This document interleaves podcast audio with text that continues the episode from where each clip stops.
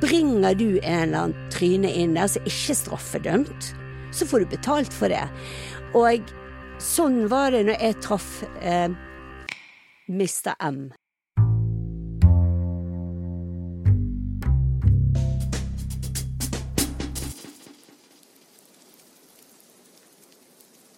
Da hadde jeg vært i miljøet i flere år, og var veldig sliten. Akkurat denne kvelden så hadde det skjedd noe tragisk, og så sier kompis og kompis.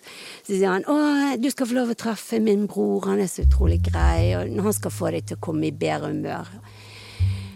Og så kommer jeg opp der, og så ser jeg transaksjonen. Og jeg sier hvor mye var jeg verdt? For jeg kom meg jo ikke ut av den. Han var en stor dealer, han visste at yes. Så der satt det jo i klisteret. Det var jo ikke sånn at du var at ok, du var kidnappet og inne. Det er ikke det jeg snakker om. Jeg snakker om at du kommer inn der, og du får alt. sant? Ok, du må komme inn til meg i dag. Sant? Så måtte komme inn, så fikk du den dosen. Så kommer du neste dag, så får du den dosen. Og så kommer du neste dag, så får du den dosen. Du måtte jo jobbe for det, men den måten jeg Altså, selge, det prøvde jo han, men jeg, jeg fikk ikke solgt en drit. jeg klarte ikke det. Nei, brukte opp alt. Min verdi var vel den personligheten som jeg hadde, som var veldig annerledes fra mange andre. Jeg halte inn dealer for han bare med mitt verbale selskap. Når de kom sant, og skulle en deal, så var jeg flink til å For de vil ikke snakke om stoff, de vil ikke snakke om greier, de vil bare føle seg vel, trygg i havn. Sant? Og da var jeg flink til å snakke med dem om alt mulig. Og nå snakker jeg om utenlandske, for jeg har eh, vært mange steder. Jeg har bodd i, i Angola, jeg, midt i bushen, og vært i Mexico og Guatemala, og bodd i Canada på prærien, bodd i Florida. Jeg, jeg har vært rundt veldig masse folk, og de kalte meg sister.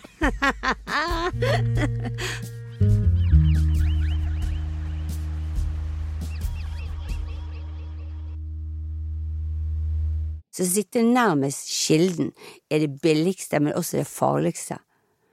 Fikk jo altfor mye informasjon. Altså, hvor mer du vet, hvor mer kan du få snakke deg? Altså, Stordealer de har crew rundt seg. sant? Jeg vil ha en cola. Ut og cola. Ok, Så løper de ut. Jeg skal ha det. Ok, så løper de og gjør det, for da får de seg en dose. Mange av disse mennene rundt her, de er horer. Sant? Hvis han hadde skambanket meg foran dem, så er ikke en av de som har løftet en finger. Fordi horer for den do, skjønner du? Eller for den tilgangen. På en måte sånn, så er miljøet det er veldig mannsdominert. Du må tenke deg at det er 70 menn. sant? Og veldig mange jenter de ser det ikke, for de sitter på sånne tuer, på en måte. sant? Kvinner som er i det miljøet, bruker mye større doser, for eksempel. Han sitter gjerne. Han sitter gjerne hvert år. Og da får han det oppholdet, mens hun sitter gjerne ikke, men bruker hele tiden, så hun er mye mer høyjustert.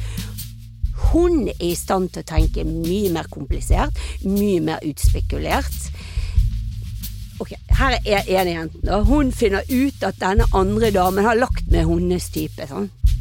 I den normale verden så ville hun tatt han, så, for det er jo ikke hun andre som har noe eh, forpliktelse til deg. Og du kan tenke hvis hun har vært våken i 18 døgn og på greier og utspekulert og pønsker ut med masse konspirasjonsteorier og hauser opp de verste folkene. Så kommer de med strips og knipetang og skambanker henne og klipper av henne håret. Eh, det, det, er det jeg snakker om. Sant? Og liksom, jeg mener, ja Jeg tror jeg er mer redd enn dame. Den andre tingen er at menn, det er flere menn som tiltrekkes i miljøet som ikke er der for drogene.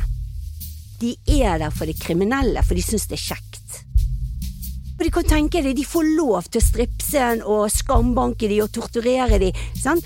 fordi at det er det de er avhengig av. Eh, som, som Ja. Skjønner du?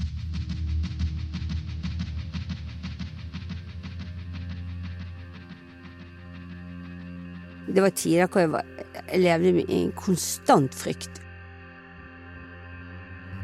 Jeg var jo rein speedfrik, og så var det en som sa til meg det at nå skal du dø. Foran meg så mekket han eh, et skudd med heroin. Tok han armen min ut, og så kjørte han sprøyten inn, bang inn. Og så det siste jeg husker, det var bare at han vinket til meg, så sa han bye bye. Altså, alle vet det at uh, skyter du heroin, og du ikke er vant til heroin, så dør du.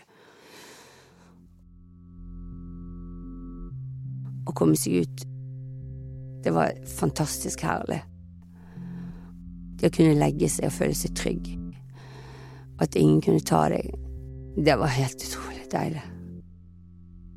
Året bare fløt. Og sånn Å, er det dette som er 17. mai? Oi! Det var helt magisk.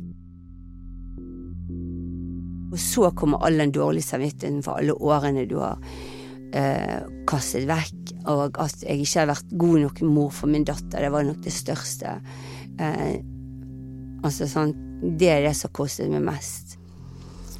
Og jeg hadde heldigvis eh, god hjelp rundt, og eh, min stesøster ble eh, fostermoren hennes. Hvor hun elsket henne og behandlet henne på lik linje med sine andre barn. Det var helt unikt. Så det er jeg veldig, veldig takknemlig for. Og det er min datter også. Hun er veldig takknemlig. Mm, så jeg er veldig stolt av henne. Hun er samboer og veganer og samfunnsbevisst og Ja.